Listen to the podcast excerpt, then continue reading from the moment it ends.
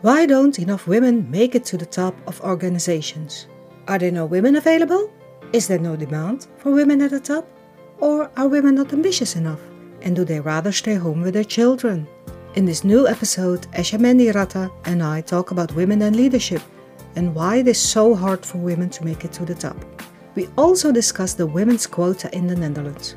Why do we need a women's quota? What's wrong with going for the best person for the job? My name is Tina de Keizer. Welcome to the Women's Table.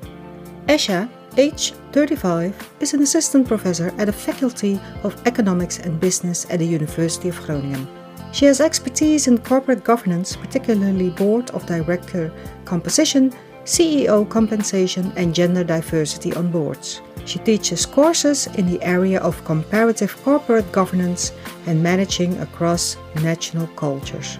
When she's not working, she can be found reading fiction books, teaching or practicing yoga, or catching up on the phone with her friends and family overseas.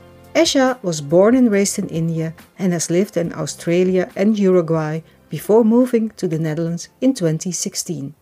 Okay, so Esha, welcome. Thank you for being here with me today. Esha and I are going to be talking about women and leadership. Lately, there's been a lot of talk and discussion about the women's quota. As of January 2022, companies will be obligated to have one third of executive positions to go to women. Even Prime Minister Rutte said that he does not look at gender when he hires someone, he just wants the best person for the job. So, what's wrong with that? Going for the best person for the job? Okay, first of all, thank you for having me. We've yeah. started with a very, very controversial topic um, already. Let, us take a step back, right? Okay. So, why do we have quotas in place? We have quotas in place to correct any sort of imbalances that might exist in representation of any kind of minority, in this particular case, women, at the very top of the organizations in this particular type of quota. Mm-hmm.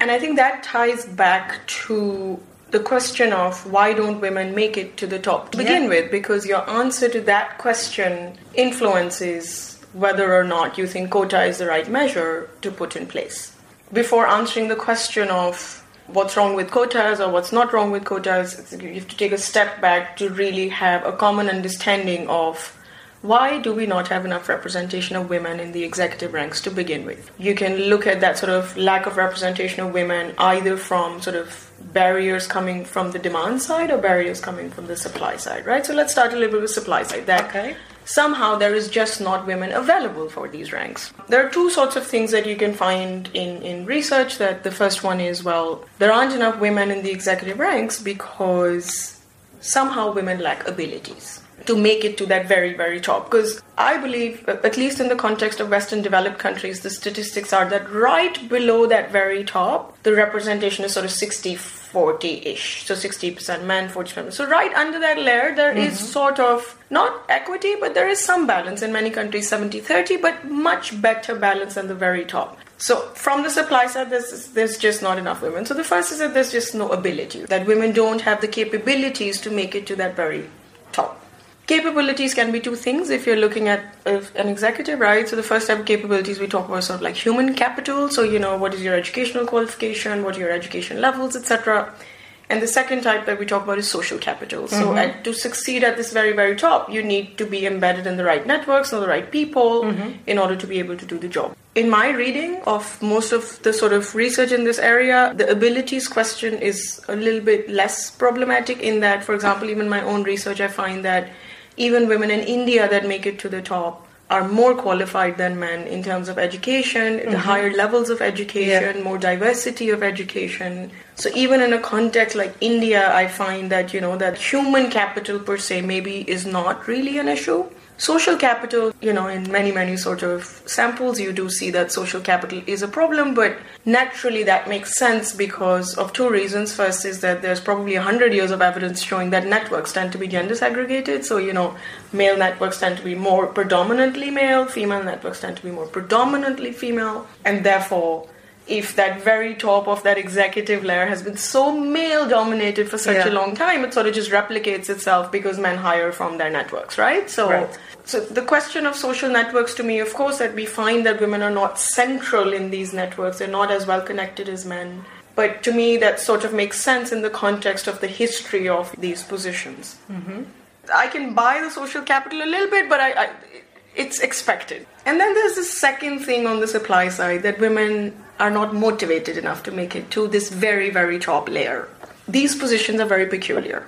You know, they involves very, very high levels of risk. Risk of failure is extremely high as a CEO, mm-hmm. as a CFO. They require lots and lots of sacrifice in terms of time needed. They require a lot of risk taking in general. There is some evidence that does show that women just don't want to take that kind of risk or do not want to make the type of sacrifices needed for these very very top jobs so we're really talking here you know the executive levels which would refer just to in the dutch context the management board yeah. Of, which is like four or five people yeah there is some evidence that women maybe don't want to make these kinds of sacrifices and don't don't maybe have this type of sort of risk of failure etc type of characteristics.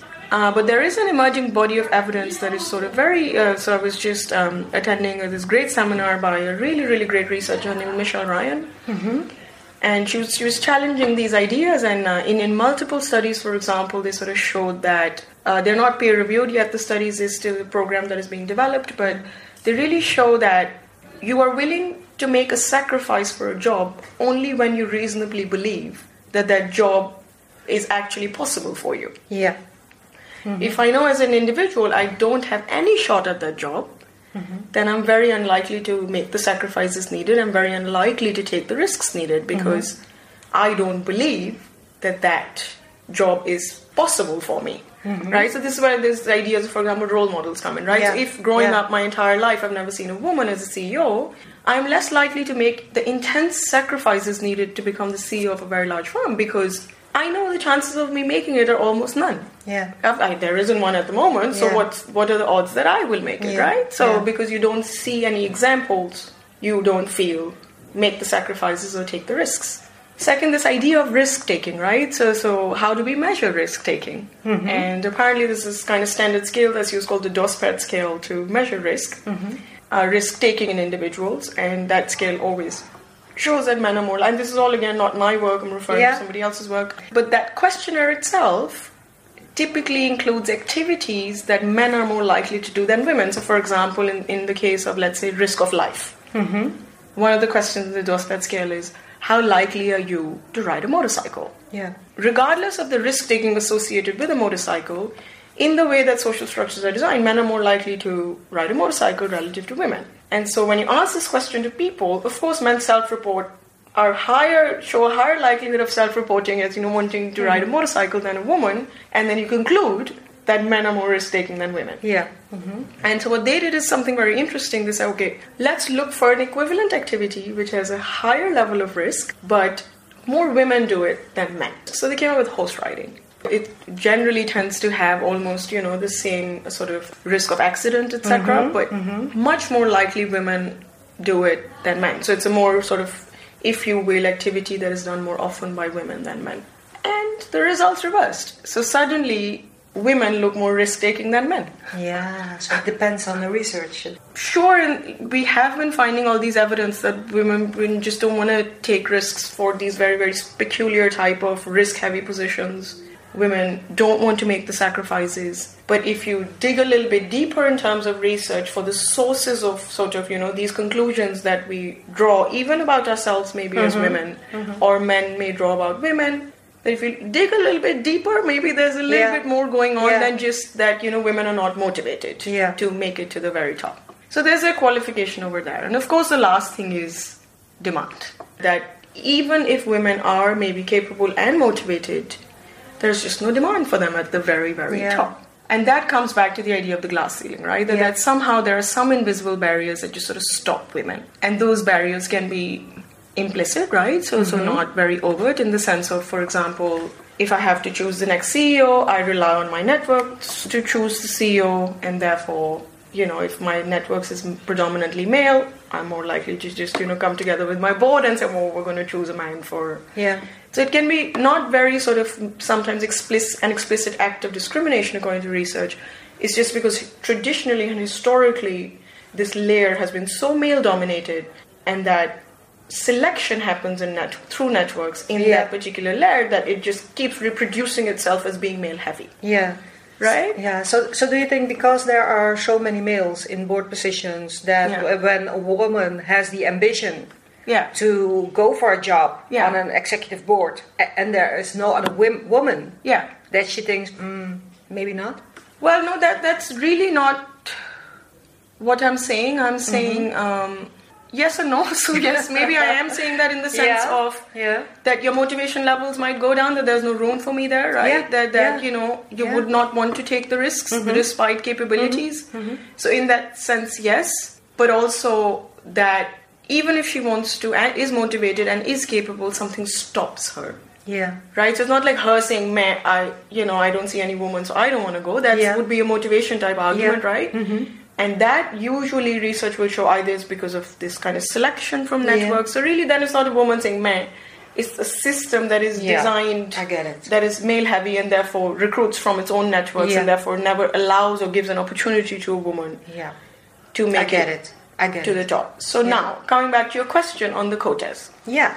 insofar as you believe that or if you trust the evidence that even when women are capable and motivated there are invisible barriers that stop them from making it to the very top mm-hmm.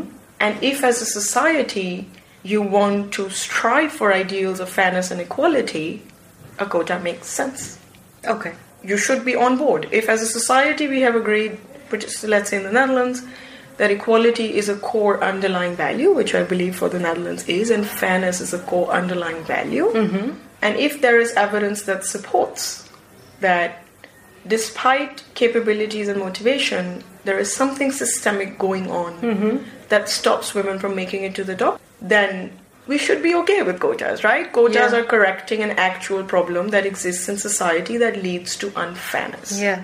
In that sense, quotas are useful. Yeah. They correct an existing problem. Mm-hmm.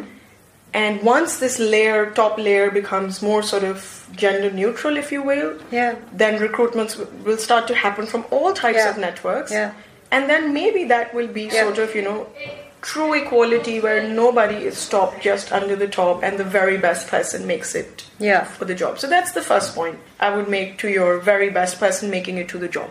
That that quotas can work. So in my own studies I find that even in a country like India, quotas have worked. Uh, the women who have made it to the top overwhelmingly are highly qualified, uh, overwhelmingly have had long professional careers, overwhelmingly seem suitable to do the job, Yeah. and they, something was stopping them from making it. And then once the quota comes in, and I compare the male and female directors, board members, and I see that there's no not much, you know, sort of quantitative difference between them, that implies that there was a problem.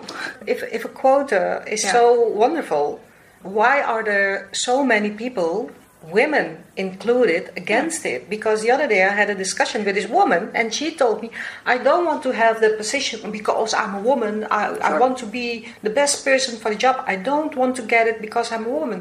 So Okay. why are there so many people against a quota? There is this idea of if I've made somewhere as a result of a scheme or, or a quota scheme, for example, quota mm-hmm. regulation, I will not be considered to be an equal. Okay. The resistance perhaps comes from that, right? That that if I make it only because of a quota, I will not be treated as an equal. But the two, for example, that constantly find evidence is that minorities resist these ideas first, that they will not be considered equal. And second, that many minorities believe that these are superficial gestures by organizations to tell their stakeholders that, look, we are equal. Yeah. And that once they actually make it, they don't have the same status and the same power mm-hmm. as the male board members mm-hmm. or the male executives. Mm-hmm.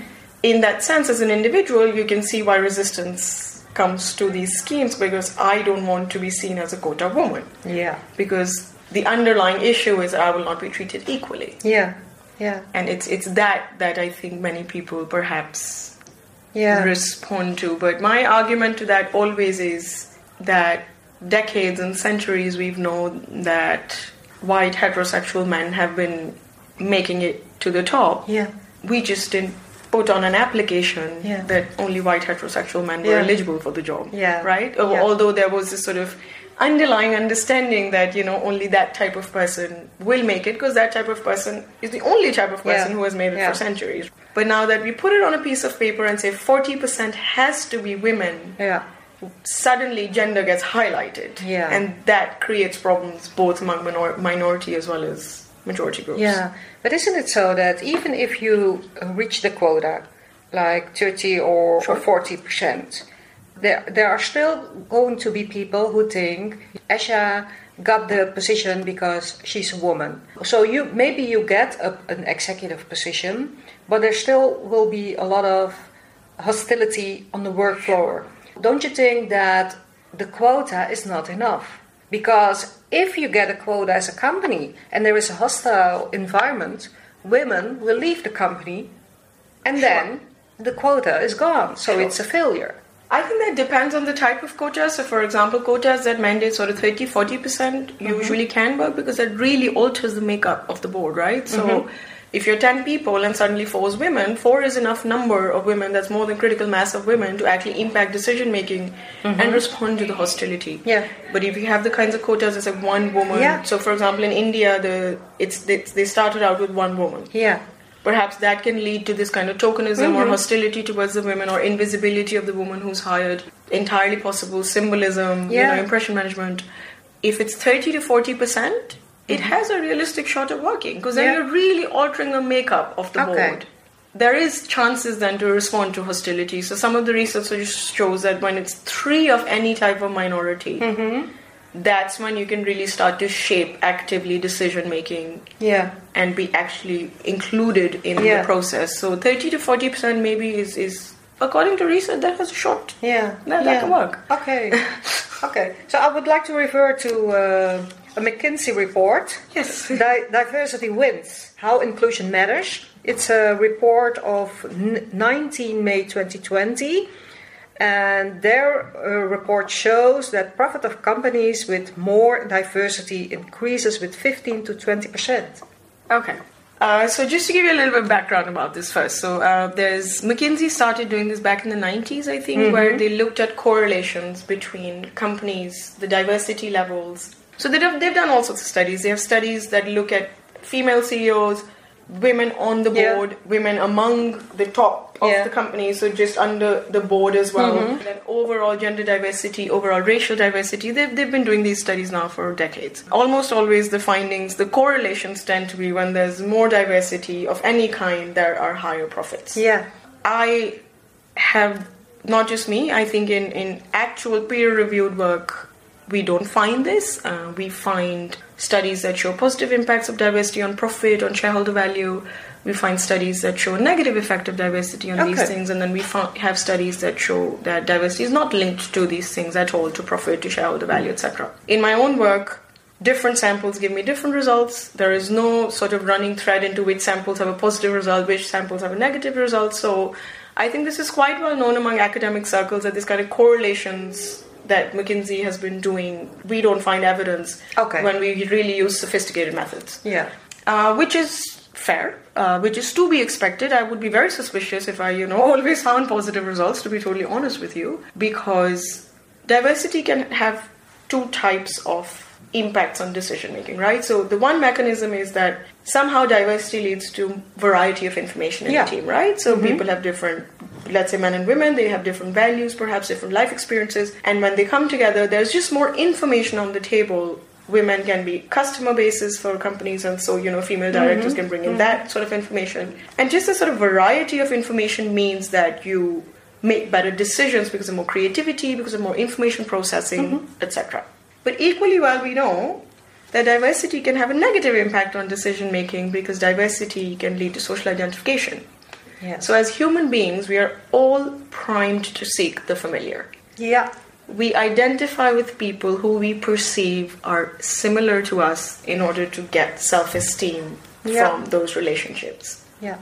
People who look like us. Yeah, so we automatically, whether we want it or not, divide people into in groups and Yeah. out groups. Yeah. There are these really great studies that sort of show if you randomly to a group of people assign to half of them in a room red hats and to half green hats, and then all, tell them all to go into a room, they naturally gravitate Yeah. towards the red, the red towards the red, and the green towards the green hats, even though they have nothing in common, but just because visually Yeah. They look see- alike. Yeah. And so if these processes happen at the decision making level and there are power differentials, right? So if you have women are recent entrants to these boards. Men have been on these boards for a very, very long time. So Yeah. there's a status and power differential.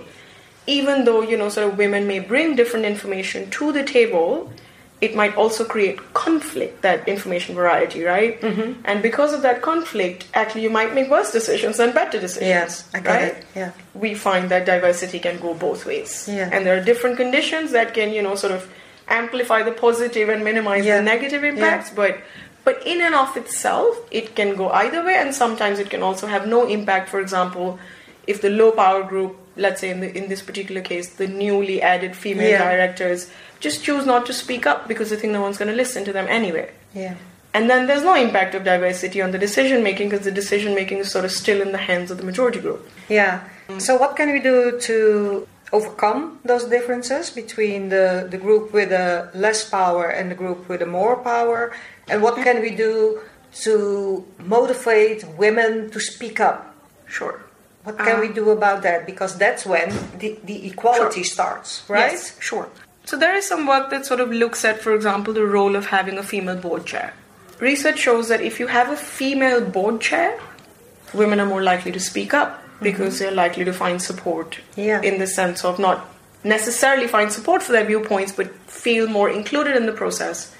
In my own samples, I find that when there are cross cutting attributes between men and women, there is stronger, perhaps, you know, sort of use of the information variety of women. And mm-hmm. when I say cross cutting attributes, I mean that in many of the cases we have seen that after these quotas, etc., there is not just to divide men and women, but also that the women who have been included on the boards have come from sort of softer backgrounds of HRM, marketing, Yeah, yeah. and men have sort of more science, finance Yeah. type backgrounds. But because when these attributes also align with gender, additional attributes align, you can really see the differences. And then the power dynamics Yeah. become stronger. Yeah. But if there are cross cutting attributes, so you know, if, if women are also scientists on the Yeah. board or have science degrees, and there are men who are from softer disciplines, when you see these cro- cross cuts between Mm-hmm. Yeah. women and men on the board, you see that decision making improves. Okay. So those types of things can also play roles, you know, in, in terms of selection of board members, Yeah. there's you know Yeah. sort of implications on Yeah. who you select.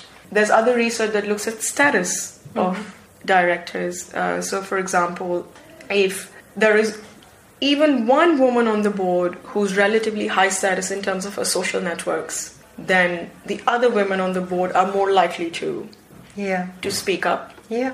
So there are these types of factors that do find effect that sort of act as a way, a channel to include other women in the decision making at the board level. Okay. But there are also other studies that depressingly show that what we call the queen bee effect. Yeah. Yeah. That sort of minorities, in this particular case, women, you know, as a form of self preservation would Yeah. keep other women out. Yeah. So I've heard. Um, yeah. So uh, there are studies that also depressingly Yeah. sort of find that. I have never found that in my samples, Mm-hmm. but there is credible evidence that that, that might also sometimes Yeah. be at play. Yeah, so so I would really hope that that you know that that, that stops that. you know. Yeah. Yeah. I get it. Mhm. Okay. So we I talked don't know about. if I'm answering your questions. I think that the case, this kind of, we call it the business case for diversity, right? Mm-hmm. Add more women because it will increase your profits. Yeah. I think we do ourselves a disservice by looking at diversity only as a business case. Yeah.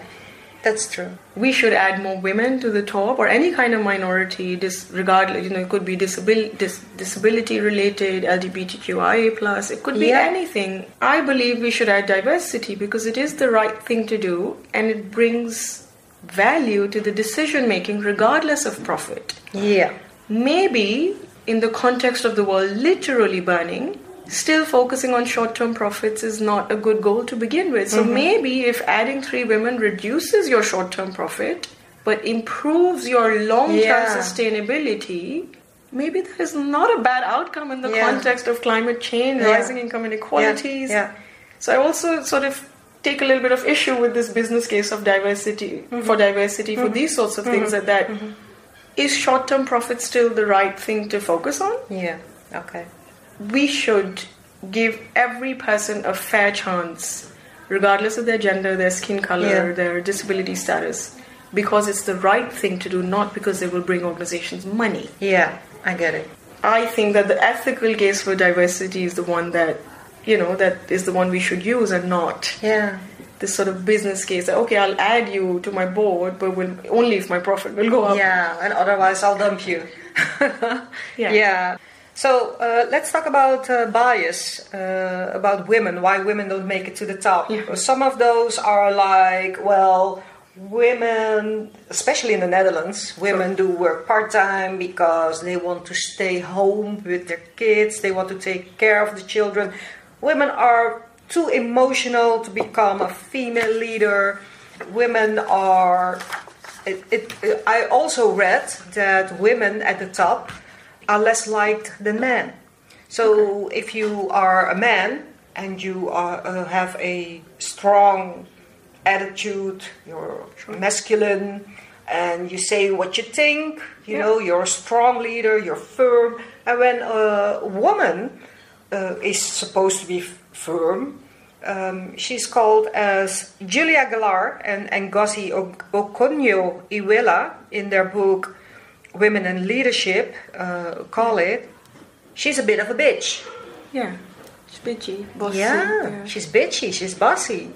Yeah, so uh, we call this the role incongruity bias. So Mm-hmm.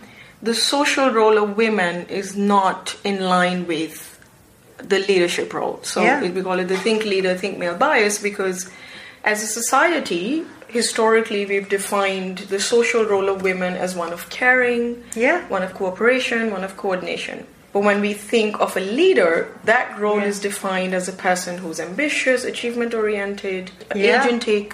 So when we see women behave in line with what we associate with a traditional leader, Yeah, we can't put two and two together. yeah, Right? And because we can't put two and two together, we penalize the women. Yeah. Right? Because then what we think a woman should be, she's not behaving like that when she behaves like a leader. There's lots and lots of evidence on this double bind that, you know, if Mm-hmm. women behave in assertive ways, they are penalized because their social role is not Yeah. Mm-hmm. congruent with the leadership role. But if they don't behave in ways that we expect a leader to behave, we say they're too soft, too cooperative, Mm-hmm. yeah. too coordination oriented. So there's this sort of double bind where they fail regardless of what they do.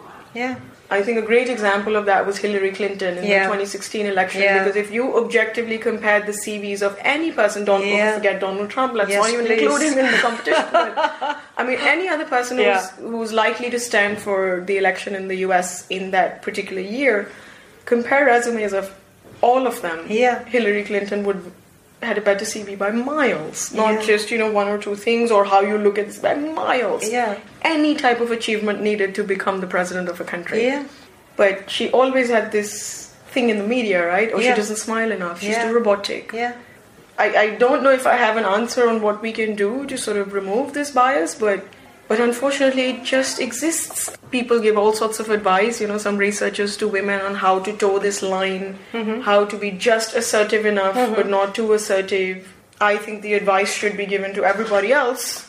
Correct your bias. And not for women to have to toe the line for 10 years of their lives. Yeah. Am I being assertive enough? Am I being too assertive? You know, not for women to toe that line, but for people to sort of change and see that this Mm-hmm. bias exists and that we as individuals have these double standards against Yeah. female leaders and Yeah. we change them. So I really think that the responsibility of that should rest on people, not on the women, female leaders or Yeah. women aiming for leadership positions. Yeah. Because it's an impossible task. yeah. Uh, Going back to the book um, of Julia by Julia Gillard and then Ngozi Okonjo-Iweala, they have interviews with all sorts of leaders, with uh, Yeah. among Hillary Clinton, Theresa May, and at one point, um, Theresa May has a meeting with Nicole Sturgeon, who's the first minister of Scotland, and it was the, the discussion was about uh, Brexit. Okay. So the report in the newspaper was forget Brexit, who wins Lexit? Because both Theresa and Nicole were wearing short skirts and they were outside for the for the photographers to have the pictures taken and the press decided to comment on their looks instead of their discussion about Brexit. No, I'm So not go- Lexit would be the Legs- length of their the- skirt? or- oh. their legs. Who oh, has the most beautiful it. legs? Oh wow. Yeah. Oh, okay. That that's just sexism 101. That's, no? that's sexism. I mean, that. Then was that, the last time they were talking about the legs of male leaders or right, their waists or. right. Another bias is women cannot combine a career with kids. Sure. When a man has a, a career and a family and he has an executive position, he's being applauded. He takes care of his family, he gives them luxury life. When a woman does the same thing, she's being judged because she's not a good wife, she's never home, she works 80 hours a week, she's a bad mom because there's a nanny. A man doesn't have those problems, I think. No, no, no. That you're absolutely right. It's not just you know. There's plenty of research that shows that we yeah. have double standards when we evaluate men and women leaders. Yeah. These all of these biases, at least in my reading of every work that exists, yeah. uh, they're there. Yeah. I've, I've, noticed particularly in the Netherlands there's resistance to the word feminism, but um, I think that that one way of correcting this bias is to make all opportunities available to all people. Yeah. For example, if a man wants to stay at home yeah. and take care of his kids, there yeah. shouldn't be social penalties yeah. associated with that. If the woman is the main breadwinner of the family, yeah. there shouldn't be. So I, I think that, you know, although when we talk about these gender conversations, a lot of the conversation focuses on all of the benefits that women are going to have. And of course, we, yeah.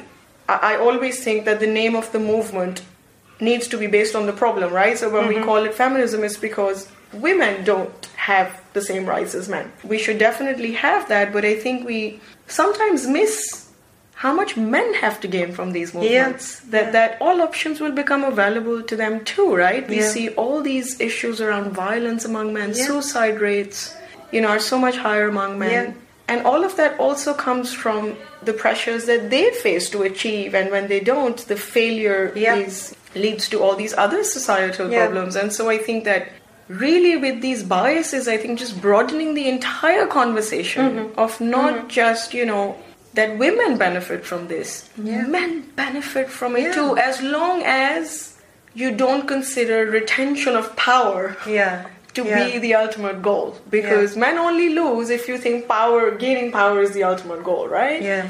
And then, of course, these movements, because they inherently sort of correct or switch the power structures or balance the power structures a little bit more, mm-hmm.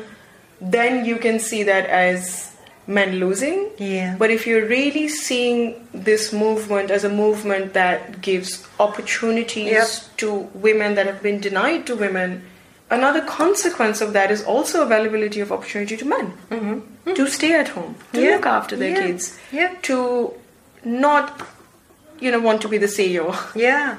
yeah. Because in my experience, not all men want it, but social conditioning also pushes them yeah. to say they do. Yeah. Yeah. And then if they can't, they try to acquire power in all sorts yeah. of other ways that are afforded to men traditionally, like violence, so I also think there's something to be said about these biases in that, you know, once we as individuals focus on them, it really opens up avenues for everybody, really, yeah, at the end yeah, of the day. Yeah, because men are being judged as well when they are stay at home dads. Yeah. Yeah. Yeah. And men are more likely to commit suicide mm-hmm. because of economic issues, because of and all of that comes from yeah, pressures right? Yeah, to go yeah. to reach the top. That, that your social role as a man yeah. is to make it to the top. So if you don't you're a failure. Just like we judge women yeah. your social role is to be a good mother a good wife. And so if you're a good leader and you're prioritizing that over your social role then we judge women similarly. It also works for men and it has negative consequences for them too. So actually i think any effort or any regulation that mm-hmm. creates more opportunities for women to go to the top mm-hmm. as a byproduct also creates opportunities yeah. for men to yeah. live yeah yeah more freely yeah because the other day i talked to a to a female coach and she told me that femicide uh, increases when a woman earns more than her husband yeah there there are disturbing studies it's horrible it's horrible so this is what i'm saying that that you know clearly the issue is that women are being treated unfairly and yeah. you have to name the issue. Yeah. that is the problem. That it is not acceptable for them to yeah. be ambitious to be in positions of power. So that is the problem. Yeah. But by solving this problem we solve all these related problems that actually benefit men. Yeah. Yeah. You know we, we talked before And then we discussed that some of those biases can be prevented if you start educating children. So, why do you think it's important to start with children? Uh, because I believe a lot of these biases, for example, that we're talking about are social conditioning, right? We've mm-hmm. been conditioned to view women in certain ways and men in certain ways. Mm-hmm. And social conditioning can only change when we're babies, right? So mm-hmm. if we start changing the structures today, hopefully the babies of the next generation yeah.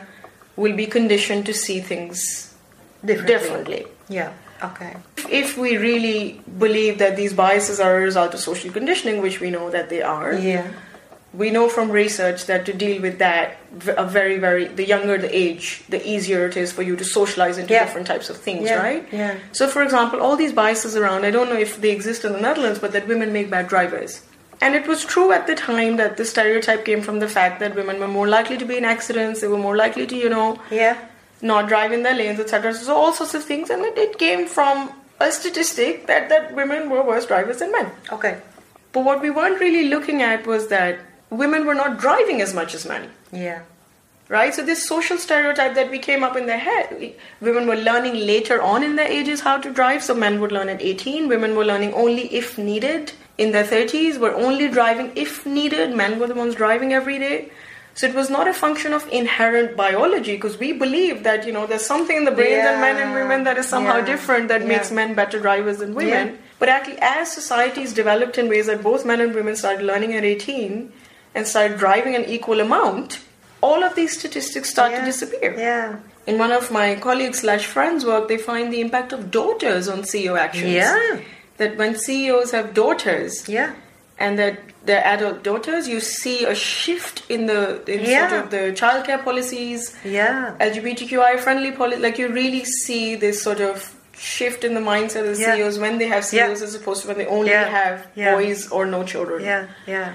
Um, so I absolutely agree that that you know that when we were talking about social conditioning, one way of changing social conditioning is that if your kids see both of you work, yeah. Already they are socially conditioned to believe that both men and women can yeah yeah. so I 100% agree with you there. Yeah. That is one way of correcting that bias. Yeah, yeah.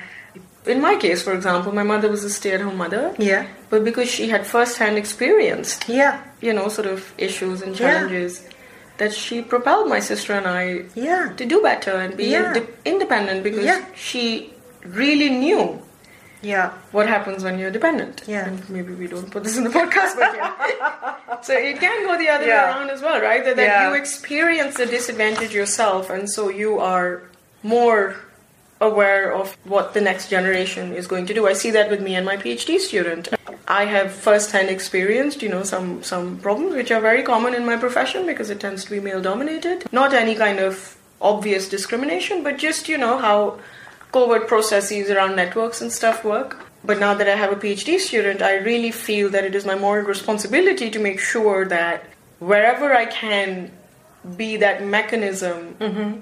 to be her network and get yeah. her onto projects, yeah. get introduce her to people, that I do that for her because I know firsthand that mm-hmm. those disadvantages can impact your career negatively. Mm-hmm. mm-hmm. So that I'm because I'm mindful of them I'm very careful that she doesn't have to. Yeah, yeah. Have to experience them. Because, you know, now I'm in a position where I know people, where I work with different types of people. So I can, yeah. you know, speed her development up. Yeah, yeah. Even though mine was slower. Yeah, yeah. I get it. Okay. Very complicated topics. yeah. You recommended the book feminism for the 99%. Yes. And you said, and I quote now, it is probably a bit activisty. but you like it because it raises important questions for everyone studying women in leadership. Yeah. Okay. Which questions raise according to this book about women in leadership? Uh, I was talking about the questions of if we continue to organize business in the way we do at the moment, mm-hmm Sure, we may be solving the problems of women making it to the very top, but the solution to that problem automatically implies exploitation of other women yeah. who are lower down the chains in yeah. the corporate sector. Yeah. a woman can lean in and work 60 hours a week Mm-hmm. because she's employing a nanny, which predominantly tends to be a female job, and paying them low wages to look after their kids. Mm-hmm. So we may be able to, if we only focus our conversations on Yeah. the and and don't get me wrong, I think there's value on focusing on all types of conversations, right? Yeah. There's value of on focusing on the top Yeah. because once the top is corrected, you hope that the benefits will filter through, right? Yeah. That, Yeah. women at the top Yeah. will have better policies. But at the same time, we need to be very mindful of this idea that at the end of the day, corporations at this moment, mostly they're organized to maximize short-term profits. Mm-hmm. And any kind of leaning in or only focusing the conversation to the top automatically implies exploitation somewhere in India Yeah. or of women, Yeah. oftentimes, of also men, but relative to men, more of women. And this system only works if that exploitation happens. Yeah, yeah. And so for me, it was also just this book was very thought provoking in that mm-hmm. maybe in a more selfish way that that you know is my research agenda too narrow? Yeah. Should I be focusing on broader questions and also what sort of maybe just focusing on the top? What is the byproduct of that mm-hmm, mm-hmm. for the rest of the women? Yeah, yeah. Uh, because maybe we will allow like 20 women to lean in and get them all the benefits. Yeah. But what about the rest of the 99%? Yeah, yeah.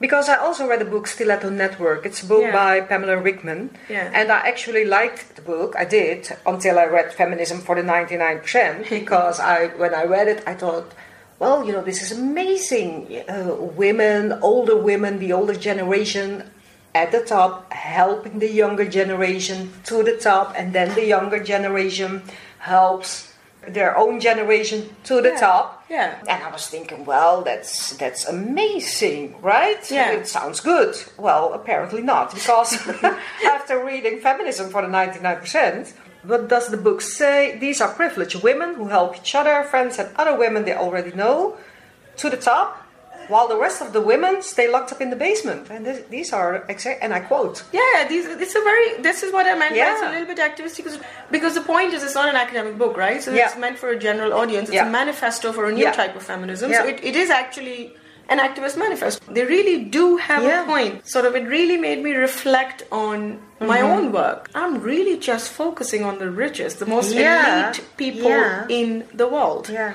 And I need to be mindful of that, that, you know, that the barriers and challenges that my research finds, they rightly, they are barriers and challenges that do exist. Mm-hmm. But are we doing women in general a disservice by only focusing the conversation Yeah. on those barriers and not maybe the barriers that women all across Yeah. face? But again, you know, one person can't solve all the problems. I really believe that there's value in everything, right? So Yeah. there is value in trying to solve the problems in different ways. There's value in looking at the top, there's value in looking at the middle, there's really value, perhaps the most value in looking at the bottom Yeah. 40% of the world. Yeah.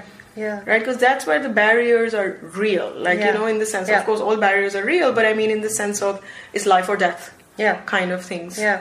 So Yeah. th- but there's value in studying the issue at different levels. Mm-hmm. But I think I just really like this book because I really focus a lot on my own research, Yeah. and suddenly you realize that you're missing this whole picture with this tiny little book of like 50 pages. Yeah. it's a it's, short book. it's really written Yeah. so impactfully Yeah. and it's it's factually accurate. Yeah. So you know, I really did a lot of reading afterwards, academic articles as well. And it's accurate in its assertions, it's accurate in the claims that it's making, which really made me think Yeah. should I diversify, if you will, Yeah. my own my own research agenda? Yeah, yeah, yeah. Well, uh, actually, it, it made me feel very uncomfortable. But that, that's just me. They sound very angry because the book is written by a few Yeah. authors. So I think, are they right to be angry? Are we past being uh, reasonable? And because they, they call for a strike, all women all over the world should go on This a is what I, but it is an activist manifesto, right? Yeah. it's written like that always. yeah, Yeah. yeah, And I do agree with a lot of parts of the book because there are a lot Yeah. of women all around the world who live in dramatic situations. And I think that all women should have a safe place. Every single woman all around the world. Absolutely. Th- their calls for going on a strike, isn't that a bit over the top? I don't think they mean it in the literal sense, so let's Okay. go to the streets. I Okay. think that it is more to get attention to the issue. Okay. And I think that is the purpose of the book, right? Okay. To sort of be in this kind of make a call to people Yeah. to see how important the issue is and how interlinked systems of capitalism are with you know issues around gender equality mm-hmm. racial equality mm-hmm. So i think that the book is designed to do that and i mm-hmm. think perhaps a large part of the language comes from sort of that aim of the book itself. I i've seen one of them speak in a public forum mm-hmm. and i don't think they would really Want us all to go on strike. yeah or maybe they will but maybe you know Pick each that- other up on the way and or, go for a strike. You know, maybe they do. Sometimes, Yeah. you know, it can make sense in some Yeah. contexts. But again, as I said, there's a role for everybody, right? There's a role for an activist. There's a role for a researcher like Yeah. me. There is a role for men Yeah. in this movement. There is a role for everybody, and only if everybody plays their Yeah. role, we Yeah. solve an Yeah. issue, right? Yeah. But there's pressure from the outside, usually on systems, from activists. And then, of course, insiders in the system also have to, at least some insiders Yeah. in the system Yeah. have to see the value of the outsiders' points. And only then things change, right? So you study, you Yeah. see all these fascinating studies on social movements and how they succeed. Yeah. And it's almost always this combination of pressure from the outside, from the activists, but equally well, people in positions of power actually seeing the point of the Mm-hmm. activists, and then together it sort of, you know, leads to change. So- Because we need the men as well, don't we? Of course we do. Like Yeah. absolutely, right? Any structural correction in any type of system for any type of problem. So I'm going to again take the example of the caste system in India and how Mm-hmm. I come from a relatively high caste. Any correction, let's say we put a quota in place, Yeah. and we have we have these problems in India, and you know you put a quota in place for the lower Yeah. caste. Let's say we have the scheduled Yeah. castes and tribes in India. You put a quota in place in the university for them. You see people who are at the higher caste react negatively Yeah. to that idea, right? Yeah. Because any sort of systemic correction, one group has to, in a way, lose something, Yeah. right? They might gain something entirely else, but the immediate consequence is that. I lost that position in the university because they had a quota. If they didn't have a quota, I would have made the cut and I would have studied in the top university of the country. Of course, it creates negative feelings in me that now I'm being penalized for being a man, Yeah. Right? So now I, I didn't get that position and a woman Yeah. did just because she's a Yeah. woman, even Yeah. though we were equally qualified. Yeah, yeah. I, I did a podcast with Verena Seibel about women on the work floor and, and gender diversity. She said, if I get a position or a promotion, people say you only got it because you're a woman. And if you say that to me, you ignore the studies I did. You ignore the articles I wrote. You ignore the diplomas I have. Yeah. I didn't get the position because I'm a woman. I got the position because I'm very good at what I do. Yeah. Exactly goes back to your point Yeah. that you were making earlier about minorities or women responding Yeah. badly to these quotas because is-. I don't want the asterisk in front of my name. Yeah.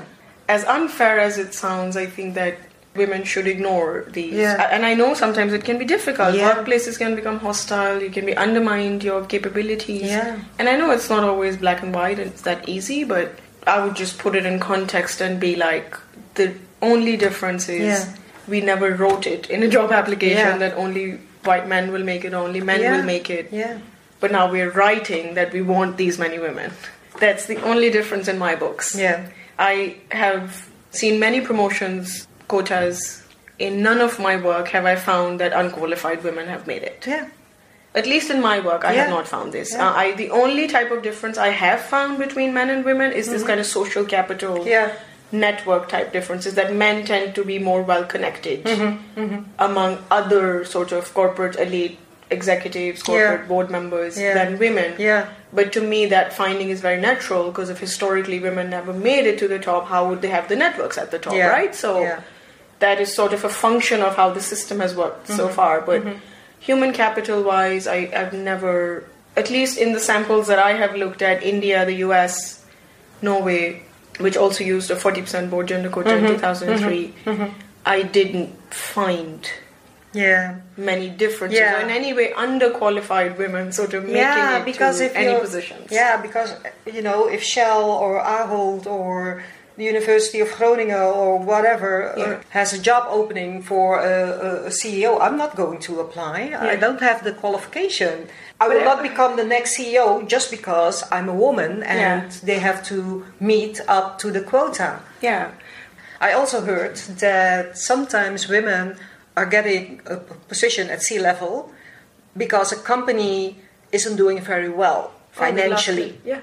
And then when everything goes wrong and the company goes bankrupt, it's the female CEO, yeah. COO, CFO who is getting blamed for yeah, so, the failure of the yeah, company. We call it the glass cliff phenomenon. Okay. So, you know, just like you have the glass ceiling that the barriers are invisible, this is called the glass cliff in that you fall from it, but it's invisible to you when you're appointed. Yeah. And this is also Michelle Ryan and uh, her colleague uh, Alex Haslam, mm-hmm. they came up with this sort of uh, finding where they found that in the UK, that was their starting sample, that actually women were being appointed to top positions only when firms were performing poorly, or were yeah. more likely to be appointed when firms were performing poorly, yeah. so they could be blamed for it. Yeah. That they're employed in precarious yeah. sort of positions. And then people can say, see, women are not fit for those top positions. Yeah. Absolutely, depressingly. Yeah. I wish I had a better answer, but I'll just say absolutely. At least that's what the findings are. They've yeah. replicated that in a few samples, and they found that, and even in my own samples, we recently did this very large scale study of 15,000 something executive directors all around the world from 32 countries, I want to say, mm-hmm. or 37, I don't mm-hmm. remember. Mm-hmm. But we also find that when performance is poorer, there's a higher likelihood of a woman being employed. Yeah as an executive, a top executive, yeah. rather than a man. Yeah.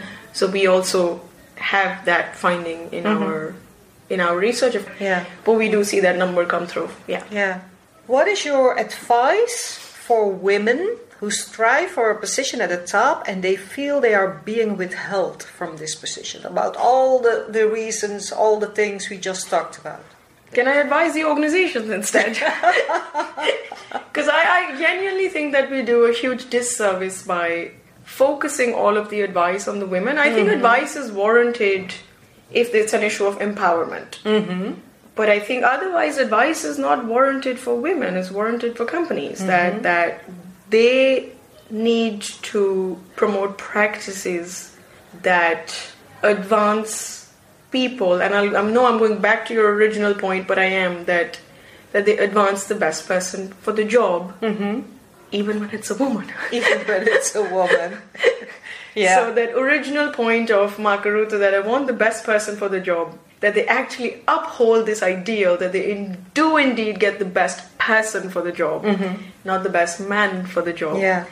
And if they have to put procedures in place for mm-hmm. this that they put those procedures in place. So, for example, one of the things that they did in Norway after the board gender quota was that they had all these professional firms come up that looked at board of director candidates. Mm-hmm.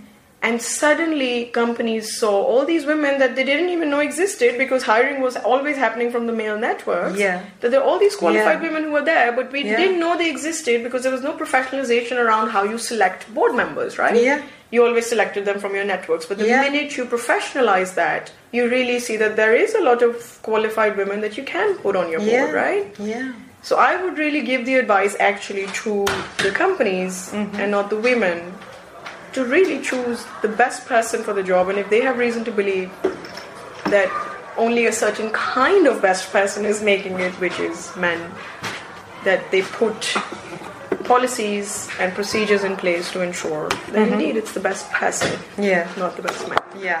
not the best man. Yeah. So I'm sorry that I don't have advice for women because yeah. I think there's enough advice we get yeah. all the time. Yeah, but isn't it always also so that women think that if they have done a good job, they rounded up a project and they did a good job, they think that they're supervisor will notice it. They but will. This is exactly yeah. what I mean. That organizations are responsible. If we indeed believe that organizations promote the best people for the job and not yeah. the loudest people yeah. for the job, then promote the best people for the job, right? So it shouldn't be on the woman to get up and be like, I did this and I did this and I did this and I did that. It should be on the supervisor to objectively, since we're saying that we objectively want the best person for the job, mm-hmm. for the supervisor to objectively see who's the who's doing the best, whose yeah. output is the best, and not who's talking about their achievements the most, right? Yeah. So, so this whole idea of self promotion I think it goes against this very idea that you're hiring the best person for the job, mm-hmm. insofar as you're defining best as the person who's the most qualified for yeah. the job and not the most qualified and the loudest. Yeah. So the advice can be on the women, right? Do this. But we also know when they do it, there's a double bind. Yeah.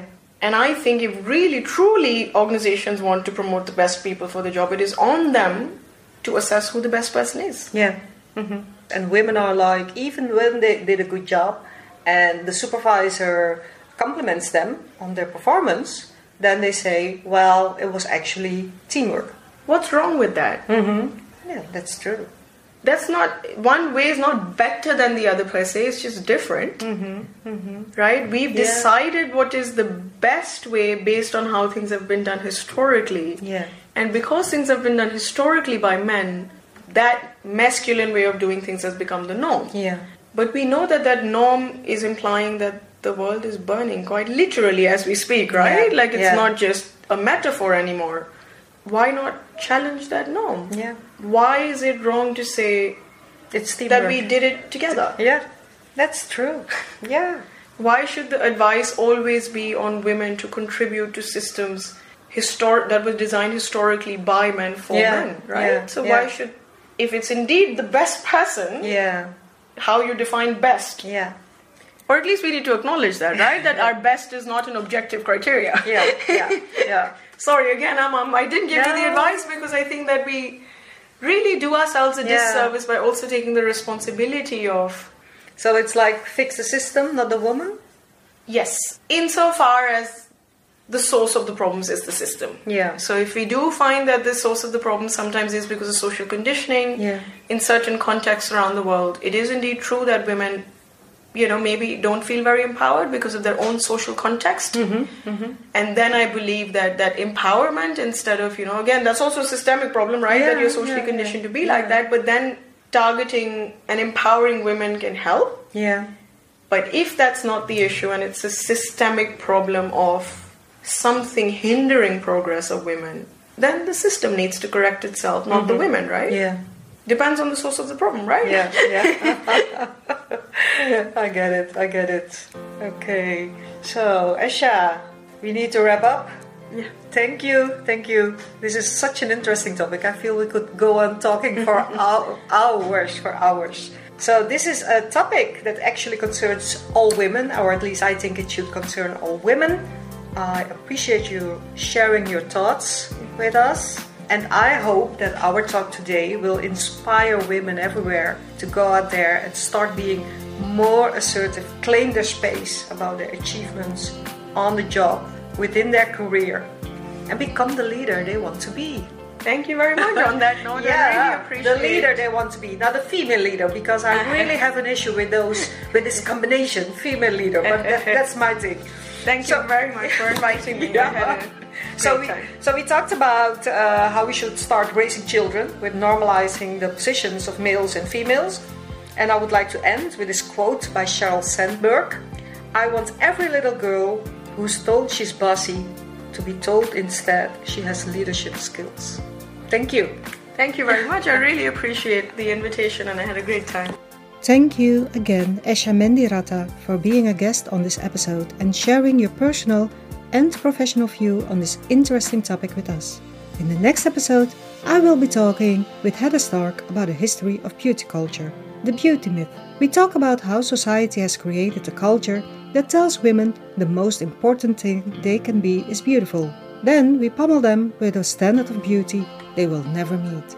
After that, when they worry about beauty, we call them superficial. Heather is the founder and podcast host of her show, This Is Me. She holds a Master of Education in School Counseling and a Bachelor of Arts in Psychology. Heather has a personal interest in this topic because of her own struggles with beauty culture and beauty myth. Thank you all for listening. Please feel free to reach out to me. I would love to hear your story. My name is Tina de Keizer, and this is the Women's Table.